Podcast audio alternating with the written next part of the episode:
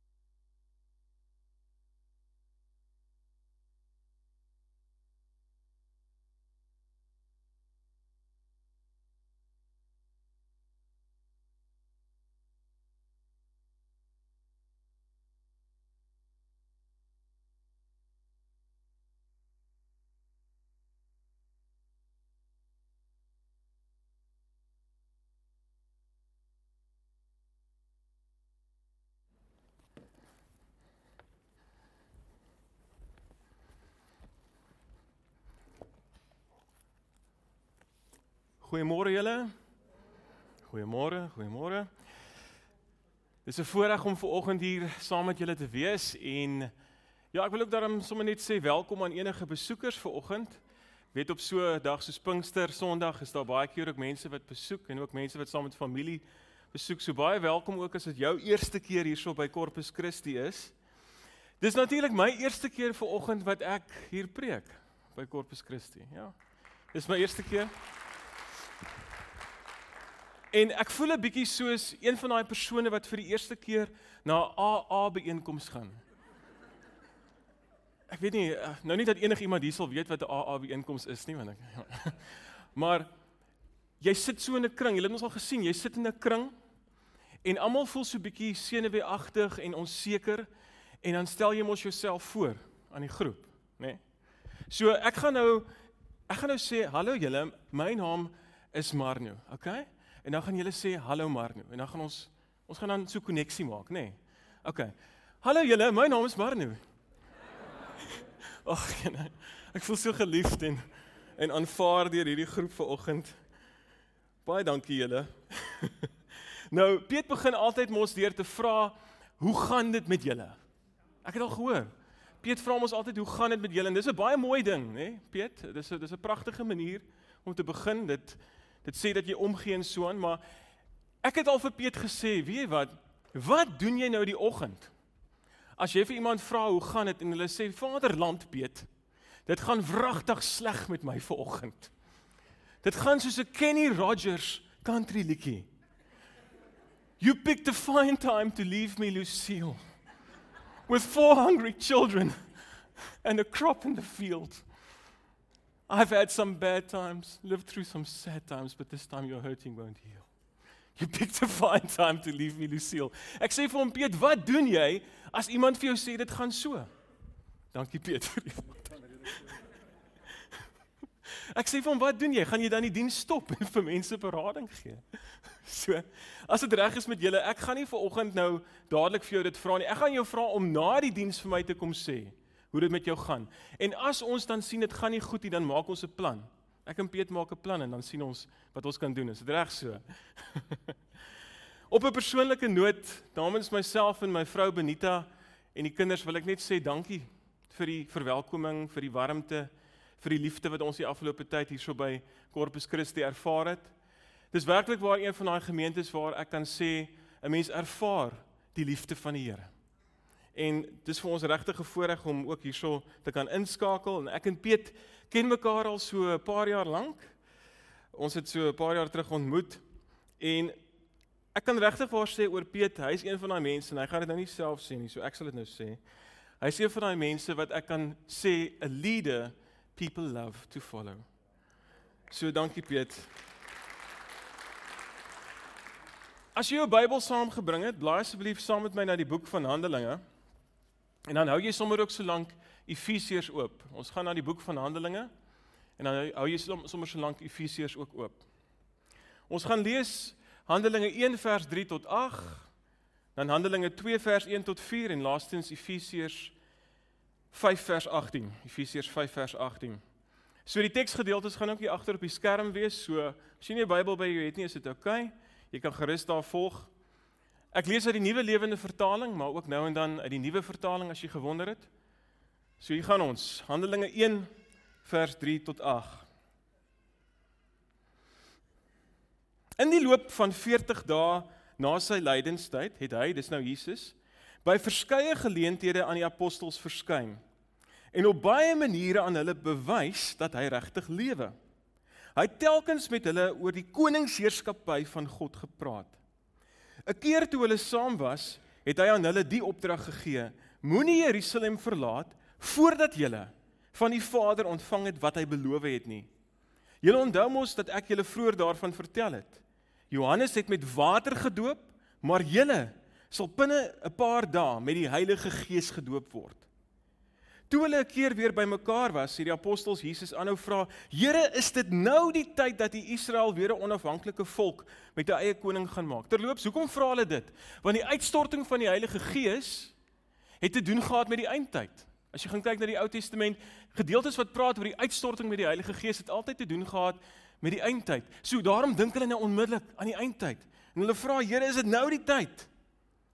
En dan sê Jesus, die Vader bepaal hierdie datums, het hy geantwoord. En die bedoeling is nie dat julle dit moet ken nie, maar wanneer die Heilige Gees oor julle kom, sal julle krag ontvang en oral mense eerstens van my vertel.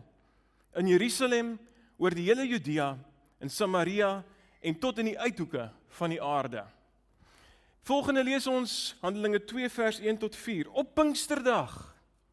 Op Pinksterdag 7 weke na Jesus se opstanding was al die gelowiges op een plek saam. Skielik was daar in die lug bokant hulle 'n geluid soos van 'n geweldige stormwind en dit het die hele huis gevul waar hulle bymekaar was. Tonge wat gelyk het soos individuele vuurvlamme het toe tussen hulle verskyn en op elkeen van hulle gaan sit. Almal is toe met die Heilige Gees vervul. En soos die Gees vir hulle die vermoë gegee het, het hulle in ander tale begin praat. En dan laastens Efesiërs 5 vers 18 Moet julle nie aan drank te buite gaan nie. daarmee gaan losbandigheid gepaard. Nee, laat die Gees julle vervul. Dis die woord van die Here. Kom ons bid saam. Almagtige Here, dankie dat Jesus ons leer van u Vaderhart. Dat hy ons kom leer dat u vir ons goeie gawes wil gee en veral dat u vir ons die gawe van die Heilige Gees wil gee. Ons sê vir u dankie daarvoor, Here. Amen. Nou ons het 10 dae gelede Hemelvaart gevier. Die feit dat Jesus nou aan die regterhand van God die Vader is en alle mag, alle gesag, alle krag, alle oorwinning is in Jesus se hande. Ja, ek weet dit lyk nie altyd so nie. Ek weet as ons kyk na die wêreld rondom ons, lyk dit nie noodwendig so nie. Dalk lyk dit nie so in jou persoonlike lewe nie. Dalk lyk dit nie so by jou werkplek nie, dalk lyk dit nie so in jou gesin nie, dalk lyk dit nie so in jou woonbuurt of jou gemeenskap nie. Maar die waarheid is Jesus is in beheer. Soos daai ou gospel liedjie sê, he's got the whole world in his hands. He's got the whole world in his hands. Maar wat dan van Pinkster? Wat van Pinkster? Wat is die boodskap van Pinkster? Wat is die implikasies van Pinkster vir jou en my? Dis die vraag wat ek het. Nou mense kan natuurlik gaan kyk na die Ou Testamentiese gedeeltes wat gaan oor Pinkster. Jy kan gaan kyk na die feit dat vir die Jode het Pinkster te doen gehad met die oesfees. Daai oesfees wat plaasgevind het om die koringoes, die begin van die koringoes te vier. Jy gaan jy kan gaan kyk daarna. Jy kan gaan kyk na vir die Jode veral na 70 na Christus toe die tempel vernietig is, veral na dit toe die uh Pinkster vir hulle die betekenis aangeneem van die gee van die wet. Hulle het baie keer aan Pinkster gedink as basies uh gekoppel met die gee van die wet by Sinai. Jy kan gaan kyk na daai goed, dis interessant. Jy gaan jy kan gaan kyk na al die parallelle wat daar is tussen Pinkster in die Ou Testament en Pinkster in die Nuwe Testament. Dis interessante parallelle wat jy kan gaan opkyk. Jy kan gaan kyk na die simbole wat te doen het met die Heilige Gees. Jy kan gaan kyk na die feit dat die Heilige Gees word gesimboliseer deur 'n duif, deur wind, deur water, deur vuur, deur olie, deur wolke. Jy kan gaan kyk na al hierdie goeters en dis interessant. Maar as jy my sou vra wat is die boodskap van Pinkster in een sin? Sê vir my waaroor gaan Pinkster maar nou in een sin? Sê vir my waaroor gaan Pinkster? Dan sal ek vir jou sê Pinkster gaan oor die volgende. Laat die Heilige Gees jou vervul. Dis die boodskap van Pinkster. Dis die kern van Pinkster. Laat die Heilige Gees jou vervul. Al is dit al wat jy vandag onthou. Jy hoef niks anders te onthou nie. Wanneer jy vandag hier uitstap, onthou hierdie een sin. Laat die Heilige Gees jou vervul. Die res van my boodskap gaan maar net oor hoe moet ons dit verstaan? Hoe moet ons hierdie opdrag verstaan? Laat die Heilige Gees jou vervul. Wat beteken dit? Wat is die implikasies daarvan vir jou en my? Ek was so 16 jaar oud gewees toe ek gedoop is. Ek het besluit om my te laat doop op 16. terloops, ek glo natuurlik die Here is besig met jou van die dag wat jy gebore is. so ek glo nie dit was nou net op 16 wat hy met my begin werk het nie. Maar ek het op daai stadium van my lewe het ek 'n besluit geneem om myself te laat doop. En ek onthou seker so 'n jaar of twee daarna, ek was seker so 17 of 18, het ek hierdie intense begeerte ontwikkel om die doping met die Heilige Gees te ervaar. Nou, die van julle wat nie die term ken nie, dis oukei. Okay. Ek sal nou-nou ietsie daaroor sê en bietjie verduidelik wat bedoel hierdie term. Maar ek het groot geword in 'n Pinksterkerk groot geword in 'n Pinksterkerk en die pastoor het groot uh uh waardering gehad vir die doping met die Heilige Gees. Hy het altyd baie klem daarop geplaas en hy het gereeld daaroor gepreek. Nou ek dink nie ek het heeltemal verstaan waaroor dit gegaan het nie. Ek dink nie ek het regtig verstaan wat dit beteken het nie, maar ek onthou dat hy altyd gesê het jy sal nooit werklik krag in jou geestelike lewe ervaar totdat jy die doping met die Heilige Gees ervaar het nie. En hy het gesê dat as jy wil krag hê in jou geestelike lewe, krag om mense van Jesus te vertel, krag om mense na Jesus toe te lei, krag om 'n meer effektiewe disipel te wees, dan moet jy die doping met die Heilige Gees ervaar. En weet jy wat, ek wou so bitter graag, so bitter graag daai krag in my lewe ook gehad het. Daai jong ouderdom 17, 18 was dit my intense begeerte om daai krag ook in my lewe te hê. Ek onthou nog goed dat ek was so opgewonde. Ek het soveel afwagting gehad in aanloop na die dag wat ek gebid voor sou word. Hulle het een keer 'n jaar het hulle tydens Pinkstertyd 'n Heilige Gees dopingsdiens gehad. Wie onthou mense wat nou in die Pinksterkerk groot geword het, wie onthou nog dit? Doping met die Heilige Gees diens gehad. En almal wat nou graag hierdie gawe wou hê, kon kom. En hulle sou vir jou bid vir die krag van die Heilige Gees om oor jou lewe te kom. So ons was so 10 mense gewees wat almal graag hierdie gawe wou ontvang. Ek onthou nog goed, ek was ook hier in Parow by 'n kerk gewees. En ek onthou nog goed hoe ons saamgekom het in die bidkamer van die kerk en die pastoor het alles weer vir ons mooi verduidelik. En toe bid hy vir ons. Een vir een begin bid hy vir ons. En ek onthou hy staan langs my en hy sê vir my: "Maar nou, begin net om die Here te loof en te prys, maar nou. Begin net om die Here te loof en te prys en terwyl jy dit doen, maar nou, sal die Heilige Gees jou doop met sy krag." En ek het begin om die Here te loof en te prys daai dag. En die Here het daai dag iets kom doen in my lewe. Ek kan nie vir jou sê wat presies daai dag met my gebeur het nie. Ek kan nie. Maar dat daar iets met my gebeur het daai dag is 'n feit. Het ek 'n nuwe geestelike krag in my lewe ervaar? Ja. Het ek met 'n nuwe ywer en energie bedien? Ja, ek het. Het ek weer vervlou by tye in my geloof? Het ek weer teruggeval by tye? Ja. Dit ook. Maar wat ek jou kan sê, van daai dag af ervaar ek hoe die Heilige Gees my ondersteun, hoe die Heilige Gees vir my krag gee in my swakheid. Ten spyte van my sondigheid, ten spyte van my foute, gebruik die Heilige Gees my om die evangelie van Jesus met mense te deel. En hy kan dit met jou ook doen. Hy kan dit met enige iemand doen.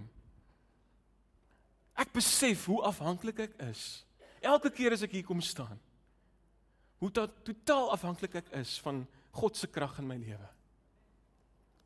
Miskien het jy al gewonder wat beteken die doping met die Heilige Gees? Waaroor gaan dit? Ek bedoel ons almal weet wat dit beteken om gedoop te word. Om in water gedoop te word. Jy word onderdompel of laat sak onder die water 3 keer in die naam van die Vader, die Seun en die Heilige Gees en jy's gedoop. Maar wat beteken dit om gedoop te word met die Heilige Gees? Of wat beteken dit om vervul te word met die Heilige Gees? Ons lees daarvan ook. Wat beteken dit? Baie keer word hierdie terme mos in die kerkwêreld gebruik asof almal weet wat dit beteken. Maar die realiteit is baie keer weet mense nie wat dit beteken nie. Miskien sit jy ook ver oggend hier en jy weet nie regtig wat dit beteken nie. Dis vir jou 'n vreemde term. Nou, sonder om vreeslik tegnies te raak oor die goed, kom ek sê net die volgende vir jou. Ek wil dit duidelik maak dat die doping met die Heilige Gees en die vervulling met die Heilige Gees verwys na dieselfde geestelike realiteit. Dieselfde geestelike realiteit. As jy nou wil tegnies raak, soos teoloë soms doen, dan kan jy sê die doping met die Heilige Gees verwys na daai eerste keer. Daai eerste keer wat jy gevul word met die krag van die Heilige Gees. Daai eerste keer wat jy dit ervaar. Die Bybel verwys daarna as die doping met die Heilige Gees. Dan vervulling met die Heilige Gees het te doen met daai tye, daai omstandighede reg deur jou lewensloop waar jy 'n vars vervulling van die Heilige Gees ervaar.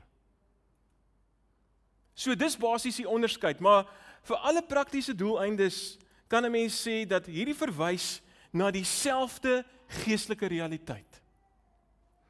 Maar hoe moet 'n mens hierdie geestelike realiteit verstaan? Soos ek nou net gesê het, dis baie belangrik dat ons verstaan wat sekere terme beteken.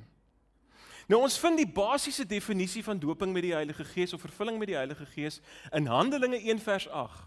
En jy kan saam met my daarin blaai as jy wil, Handelinge 1 vers 8. Hierdie is 'n baie baie belangrike definisie. Want dit sê vir jou waaroor dit gaan. Handelinge 1 vers 8. Maar wanneer die Heilige Gees oor julle kom, sal julle krag ontvang en oral mense eerstens van my vertel in Jerusalem, oor die hele Judea, in Samaria en tot in die uithoeke van die aarde. So daar's twee belangrike aspekte wat ek wil uitlig uit hierdie teks uit. Twee belangrike aspekte en ek gaan 'n bietjie tyd spandeer om dit te verduidelik want as jy dit kan verstaan, dan gaan baie dinge vir jou sin maak oor die doping en die vervulling met die Heilige Gees. Eerstens, die doping met die Heilige Gees is iets wat met jou gebeur. Dis 'n gebeurtenis. Dis soos jou troudag. Jy weet jy's getroud. Is daar enigiemand vanoggend wat onseker is of hulle getroud is? Ek het al in berading met een of twee mense te doen gekry wat lyk vir my onseker is of hulle getroud is. As jy onseker is, kom gesels met my en Piet, ons sal gou vir jou uitvind of jy wel getroud is. So dis 'n gebeurtenis, jy weet dat dit met jou gebeur. Maar belangrik is 'n gebeurtenis wat jy moet onderskei van jou bekering. Jy moet dit onderskei van jou bekering. Nou sommige mense ervaar wel die doping met die Heilige Gees in dieselfde tyd wat hulle tot bekering kom, maar ander mense eers later. OK, so die doping met die Heilige Gees en bekering is nie dieselfde nie. Ek ek weet daar sommige mense wat sê dit is en ek respekteer wat hulle dink. Maar as ek die Bybel reg verstaan, dan moet ons 'n onderskeid tref. Waarom sê ek so? Wel dit bring my by die tweede aspek wat ek graag wil uitlig. Die doping met die Heilige Gees het te doen met krag vir jou geestelike lewe. Dit het te doen met krag vir jou geestelike lewe en nie met jou bekering nie. Dit gaan oor 'n bemagtiging. Of kom ons sê hier in Suid-Afrika sal ons graag die woord gebruik empowerment. Dit gaan oor 'n empowerment in jou geestelike lewe om 'n disipel te wees vir Jesus. Nou kom ons gaan terug na Handelinge 1 vers 8. Die teks sê wanneer die Heilige Gees oor julle kom, sal julle krag ontvang. Nou hier's my vraag. Het Jesus se disippels dan nie reeds die Heilige Gees ontvang op hierdie stadium nie? Was die Heilige Gees dan nie reeds in hulle lewens gewees nie? Ja, hy was. Kort na sy opstanding lees ons in Johannes 20 vers 22 hoe Jesus vir sy disippels sê: "Ontvang die Heilige Gees." So die Heilige Gees was reeds teenwoordig in hulle. Hulle was reeds deel van God se familie. Maar hier's die ding. En luister nou mooi. Hulle was reeds gevul met die Heilige Gees, maar hulle was nog nie vervul met die Heilige Gees nie. Hulle was gevul met die Heilige Gees, maar nog nie vervul met die Heilige Gees nie. Die Heilige Gees het nog nie hulle lewens beheer nie en daarom was daar nog nie geestelike krag nie. Ek hou van die manier wat Dirkie van der Spy hierdie onderskeid verduidelik. Hy sê elke Christen is gevul met die Heilige Gees. Elke Christen is egter nie noodwendig vervul met die Heilige Gees nie. Die Heilige Gees kan in 'n mens woon, maar dit is nie noodwendig dat jy onder die beheer van die Heilige Gees is nie. En dis waar Efesiërs 5 vers 18 wat ons aan die begin gelees het, baie belangrik word. Paulus skryf in Efesiërs 5 vers 18, lees dit saam met my. Moet julle nie aan drank te buite gaan nie, daarmee gaan losbandigheid gepaard. Nee, laat die Heilige Gees julle vervul. Laat die Gees julle vervul. Paulus gebruik hier die voorbeeld van iemand wat onder die invloed van alkohol is om die vervulling van die Heilige Gees te verduidelik. En Paulus maak die volgende punt dat net soos iemand hulle self aan drank kan oorgee, behoort 'n Christen hom of haarself aan die Heilige Gees oor te gee. Nou ek weet nie mooi hoekom Paulus hierdie vergelyking of voorbeeld gebruik het nie. Maar as jy bietjie terugdink aan Handelinge 2 wat ons ook nou net gelees het, as jy Handelinge 2 gaan lees en jy lees wat daai dag met die groep mense gebeur het in Jerusalem, Jesus se volgelinge wat gedoop is op Pinksterdag met die Heilige Gees en hulle begin getuig van Jesus en hulle begin getuig teenoor die mense rondom hulle met soveel ywer, soveel energie Wat sê die mense van hulle in Handelinge 2? Wat lees ons daar? Hulle sê is hierdie mense dronk? Het hierdie mense te veel gedrink? dis hoeveel ywer, dis hoeveel passie hulle gehad het. So dalk is dit hoekom Paulus hierdie voorbeeld gebruik het. Ek weet nie, maar ek het nou nie veel ervaring van dronk mense nie. Maar ek het daarom op 'n stadium in 'n dansorkes gespeel, ja, die pastoor. Om die waarheid te sê, ek het in 'n boerorkes gespeel. En alho en alhoewel ek hou van klavier en van uh basgitaar, tromme is eintlik my hoofinstrument. Nou my langtermyn doelwit was eintlik om vir stingdromme te speel, maar intussen was die boere musiek 'n goeie voorbereiding.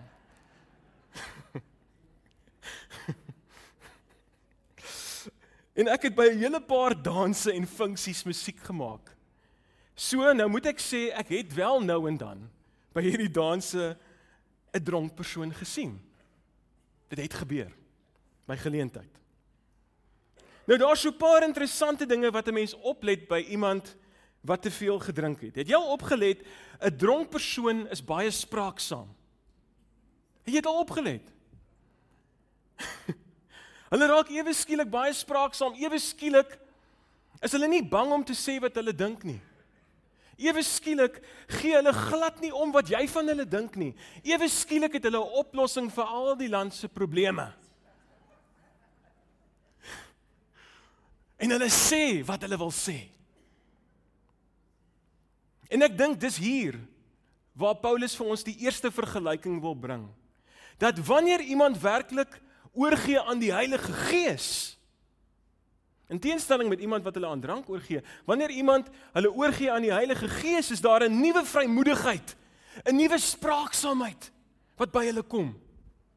Skielik wil jy mense vertel van Jesus. En jy's nie bang nie. Jy wil elke geleentheid aangryp om mense van Jesus te vertel. En jy passievol. Jy het hierdie vrymoedigheid wat jy nooit voorheen gehad het nie. Soos ons nou net in Handelinge 2 gesien het, nadat die eerste Christene vervul is met die Heilige Gees, getuig hulle met ywer en vrymoedigheid, soveel sodat mense dink hulle is dronk. Het mense al gesê, hoorie, is jy dronk? Het jy al so passievol geraak? Het jy al so ywerig geraak? Het jy al met soveel vrymoedigheid gedeel wat Jesus met jou gedoen het, wat hy in jou lewe kom doen het. Dat mense vir jou sê, hoorie, bly net 'n bietjie stil man. Bly bietjie stil. Is daar iets fout met jou? Het mense al daai ywer, daai entoesiasme by jou gesien? Maar daar's nog iets. Het jy al opgelet dat alkohol geneig is om mense baie vrygewig te maak? Dieselfde ou wat nooit enige iets vir enige iemand wil gee nie. Daai selfde ou sê boys, hoorie. Boys.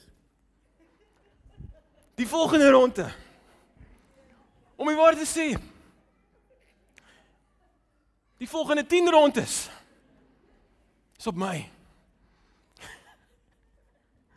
Daai vrygewigheid.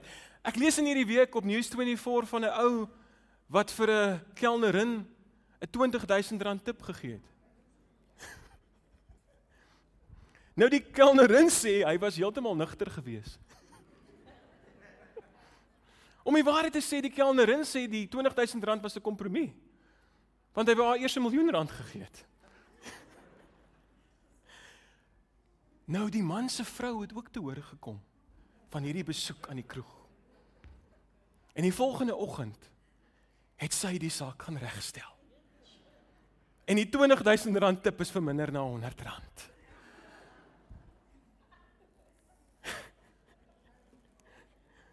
Maar ek weet nou nie hoe hoe dit werk nie, maar in elk geval, dit lyk vir my daar's 'n parallel of 'n verband tussen alkoholgebruik en spontane vrygewigheid.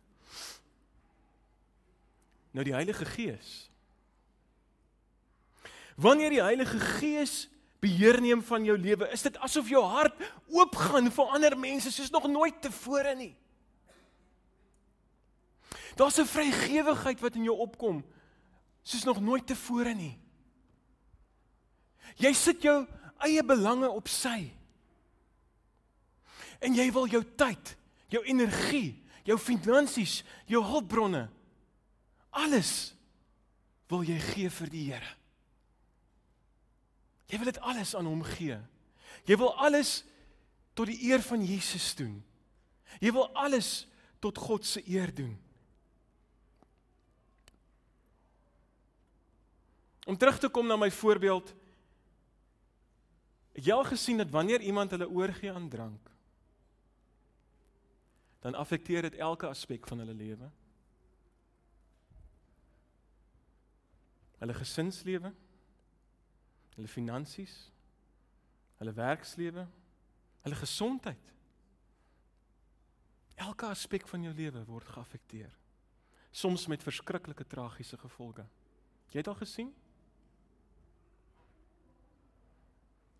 Nou op dieselfde manier, maar op 'n positiewe manier. Wanneer jy jou lewe oorgee aan die Heilige Gees, word elke aspek daarvan aangeraak. Jy sien hoe jou huwelik verander, jou gesinslewe, jou werkslewe, jou gesondheid, elke aspek van jou lewe, jou finansies, jou geestelike lewe in die algemeen, al hierdie dinge. Dit word verander, getransformeer deur die krag van die Heilige Gees wat in jou lewe kom werk.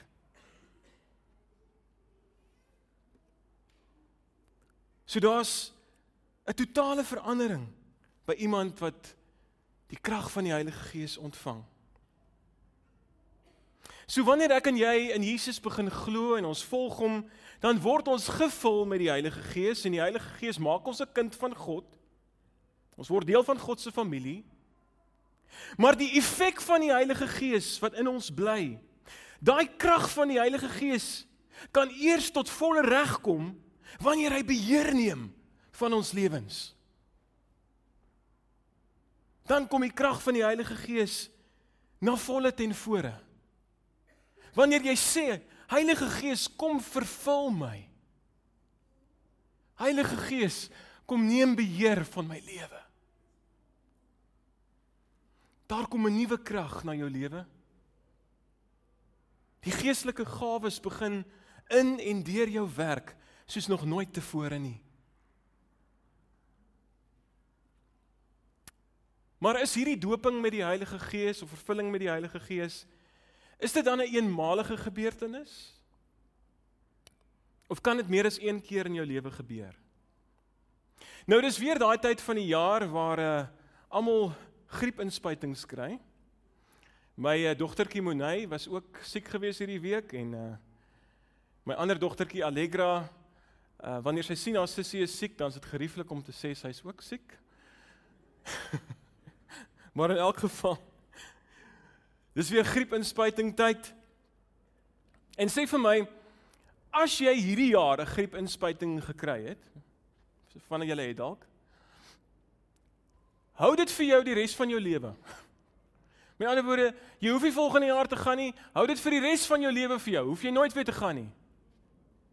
Nee, dit werk nie so nie. Jy het nodig om elke jaar daai griepinspuiting te kry.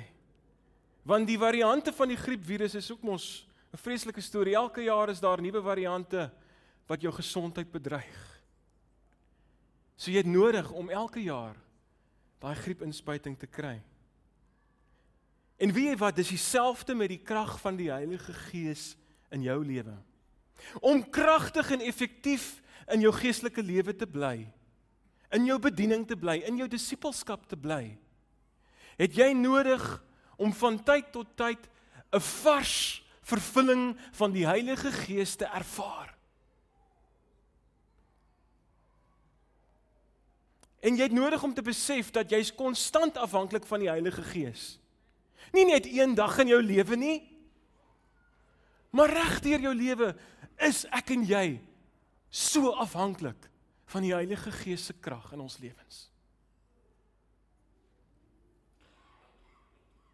Hy het nodig om weer en weer te kom en ons te vervul.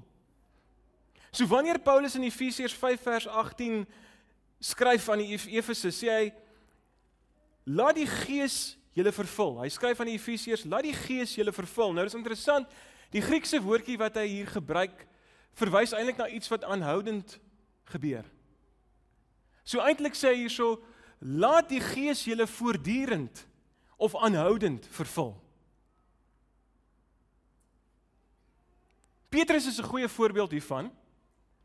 Op Pinksterdag is Petrus saam met die ander volgelinge van Jesus gedoop met die Heilige Gees. Jy kan dit gaan lees in Handelinge 2. Hy het die doping met die krag van die Heilige Gees ervaar op 'n kragtige manier en hy begin preek en daai selfde Petrus wat voorheen vir die eerste teken van moeilikheid weggehardloop het. Daai selfde Petrus preek nou en 3000 mense gee op een dag op Pinksterdag hulle lewens vir Jesus. 3000 mense in Jerusalem. Nou ek het die voorreg gehad om onlangs Jerusalem te besoek en ook met 'n paar ortodokse Jode te doen te kry. en hulle is nie die maklikste mense om te oorreed nie. Maar op daai dag werk die krag van die Heilige Gees so kragtig deur Petrus, 3000 mense gee hulle lewe net so vir die Here. Maar weet jy wat? Hierdie selfde Petrus wat sulke kragtige dinge vir die Here gedoen het, het hy nodig gehad om van tyd tot tyd weer die aanraking van die Heilige Gees, die vervulling van die Heilige Gees te ervaar? Ja. Ons lees byvoorbeeld in Handelinge 4 vers 8 dat hy op 'n stadium weer vervul is met die Heilige Gees. En ook in Handelinge 4 vers 31 van nog 'n geleentheid waar hy vervul is met die Heilige Gees saam met 'n ander groep mense ook. So die punt is Ja, ek en jy is nie beter as Petrus nie, glo my. Ons het ook nodig om reg deur ons lewensloop by tye wat die Here bepaal het, het ons nodig om 'n vars vervulling van die krag van die Heilige Gees te ervaar. Ons het dit so nodig.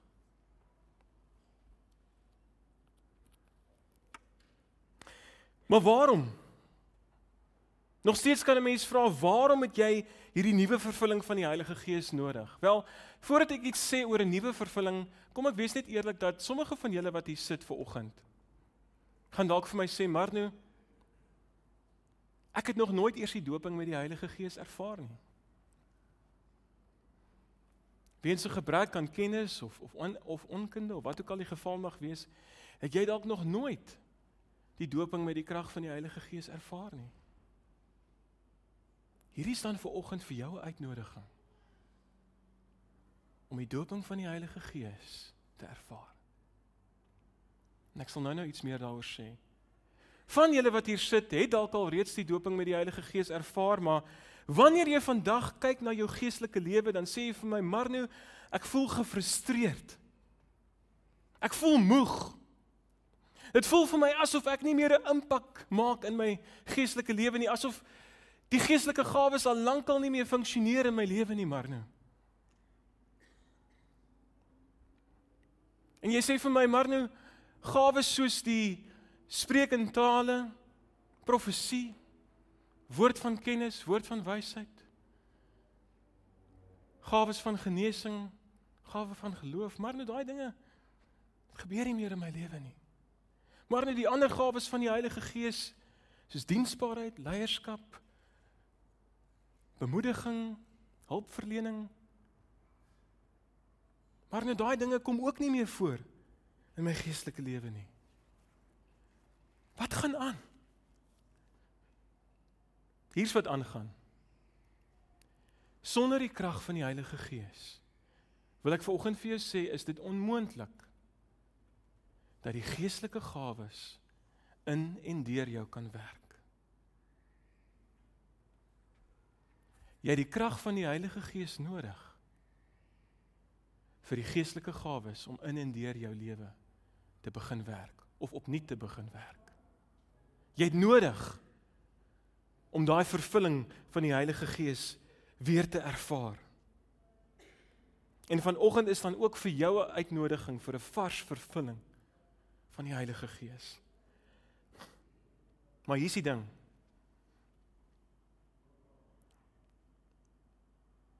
Baie Christene worstel met hierdie vraag. Hoe ontvang jy die dooping met die Heilige Gees? Of hoe ontvang jy 'n nuwe vervulling met die Heilige Gees? Hoe gebeur dit? Wat moet 'n mens doen, Marno? Is daar een of ander geheime formule? Is daar een of ander vreemde praktyk of een of ander snaakse ding wat ek moet doen vir die Heilige Gees om my te kom doop of vir die Heilige Gees om my te vervul? Moet ek iets vreemd aanvang, Marno? Is daar iets weird wat moet gebeur? Nee.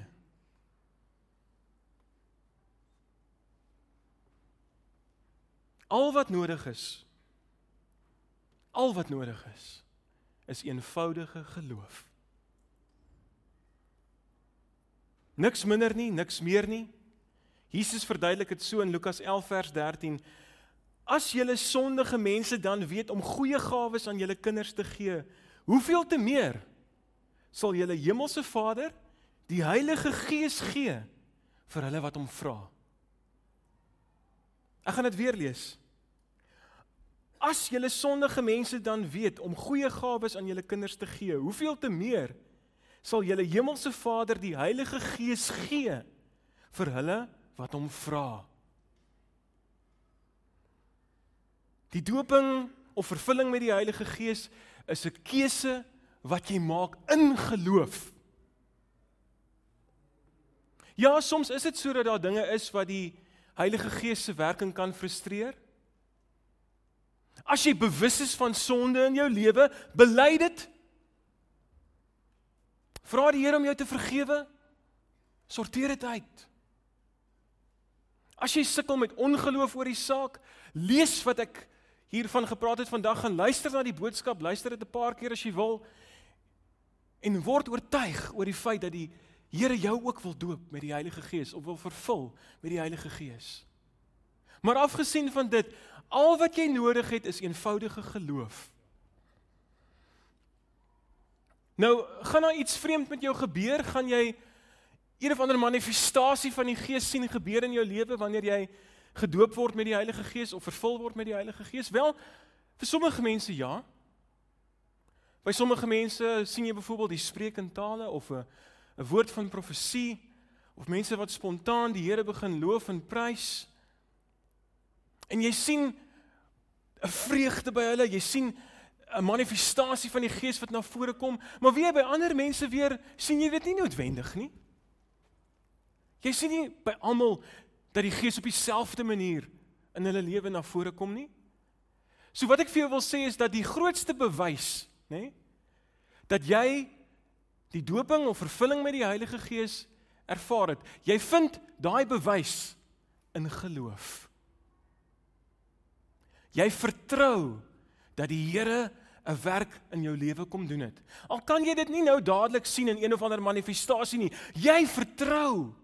Jy glo dat die krag van die Heilige Gees in jou lewe ingekom het. En ja, jy sal begin ervaar hoe die Here jou op nuwe maniere gebruik tot eer van sy naam. Jy sal sien hoe daar dinge gebeur in jou geestelike lewe, hoe die geestelike gawes begin werk in en deur jou. En ek wil net sê dat onthou hierdie geestelike gawes gaan nie oor jou nie. Dit het nog nooit oor jou en my gegaan nie. Dit gaan oor God wat homself kom wys aan ons op 'n spesiale manier deur hierdie gawes. Dit gaan oor God, nie oor ons nie. So jy sal sien dat die Here sal mense oor jou pad stuur, hy sal geleenthede oor jou pad stuur, situasies oor jou pad stuur waar jy die gepaste geestelike gawes sal gebruik om in daai situasie te doen wat die Here wil hê jy moet doen. Jy het 'n gawe of gawes van die Heilige Gees wat die Here wil gebruik in jou lewe. Ek het al een of twee keer in my lewe die voorreg gehad om te sien hoe die Here ook deur my op so 'n manier werk. 'n Paar keer die voorreg gehad om te sien hoe die Here 'n geestelike gawe deur my laat werk. Ek onthou goed, ek het saam met 'n pastoor gewerk op 'n stadium wat baie betrokke is in sendingwerk. En die Here wys my 'n prentjie waar die pastoor sit in 'n kring. En hy sit tussen 'n klomp Chinese. Dis 'n 'n kring en dis klomp Chinese wat saam met hom sit en daar's 'n tolk wat vir hom interpreteer. En ek het natuurlik nie verstaan waaroor dit gaan nie en ek vertel vir hom van die prentjie wat ek gesien het. En hy sê vir my Marno, jy kom bevestig nou iets wat die Here in my hart gesit het al 'n tyd gelede dat ek moet uitreik na China. En vandag het hy een van die kragtigste bedieninge in die ondergrondse kerk in China. En die Here het maar net vir my gebruik om iets te bevestig wat reeds in sy hart was. So sal die Here vir jou Maak nie saak wie jy is nie, maak nie saak wat jou agtergrond is nie. Maak nie saak wat jou beroep is nie. Die Here sal vir jou kom gebruik in jou situasie om vir iemand te bedien. Om 'n geestelike gawe te gebruik tot eer van sy naam. Of dit hier in die gemeente is, of dit by jou werkplek is, waar ook al jy beweeg, sal jy sien hoe die geestelike gawes in en deur jou begin werk. En ek hoop vir oggend dit is ook jou hart se begeerte dat die Heilige Gees deur jou sal werk. Ek het in voorbereiding vir hierdie boodskap vandag het ek 'n liedjie geskryf. Dit is eintlik 'n gebed wat die Heilige Gees nooi om te kom beheer neem van jou en my lewe. Ek gaan hierdie liedjie nou sing en ek nooi jou vir oggend om soos wat jy gelei voel. As jy ver oggend op jou knieë wil gaan, as jy ver oggend wil staan, ag as jy ver oggend in die Here se teenwoordigheid wil gaan lê, maak nie saak vir my nie. Maar ek gaan jou nooi vir oggend. Kom maak hierdie gebed ook jou gebed vir oggend. Op hierdie Pinksterdag 2019 kom nooi die Heilige Gees om of vir jou vir die eerste keer te vervul met sy krag of vir jou 'n vars vervulling van sy krag te gee. Die liedjie se naam is Kom neem beheer o Heilige Gees.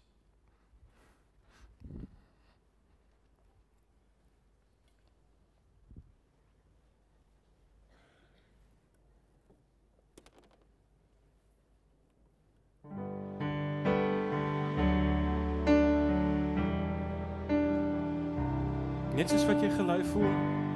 Of jy wil sit, of jy wil staan, of jy wil kniel. Net soos hier jou lei.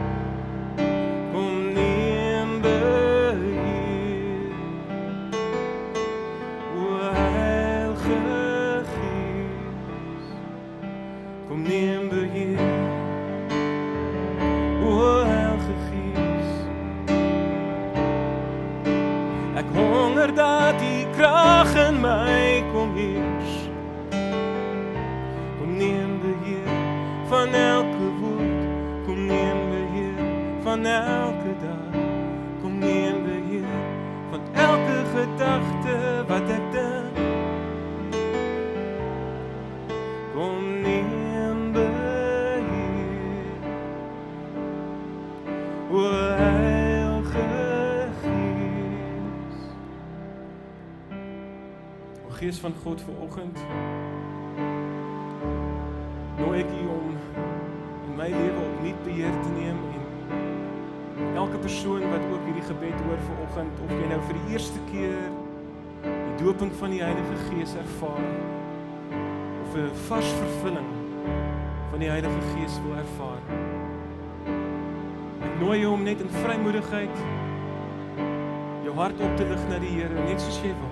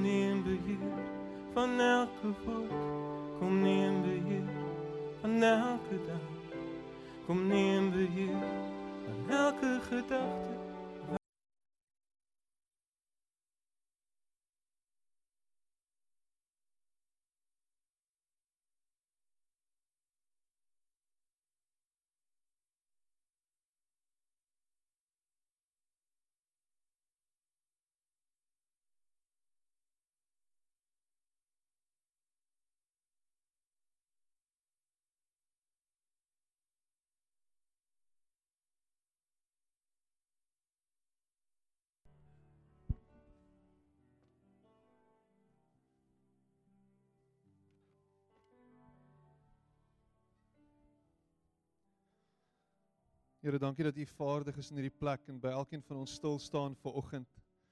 Dat U elkeen van ons ontmoet daar waar ons is. Dankie dat U ons vol maak tot oorlopends toe vol, Here.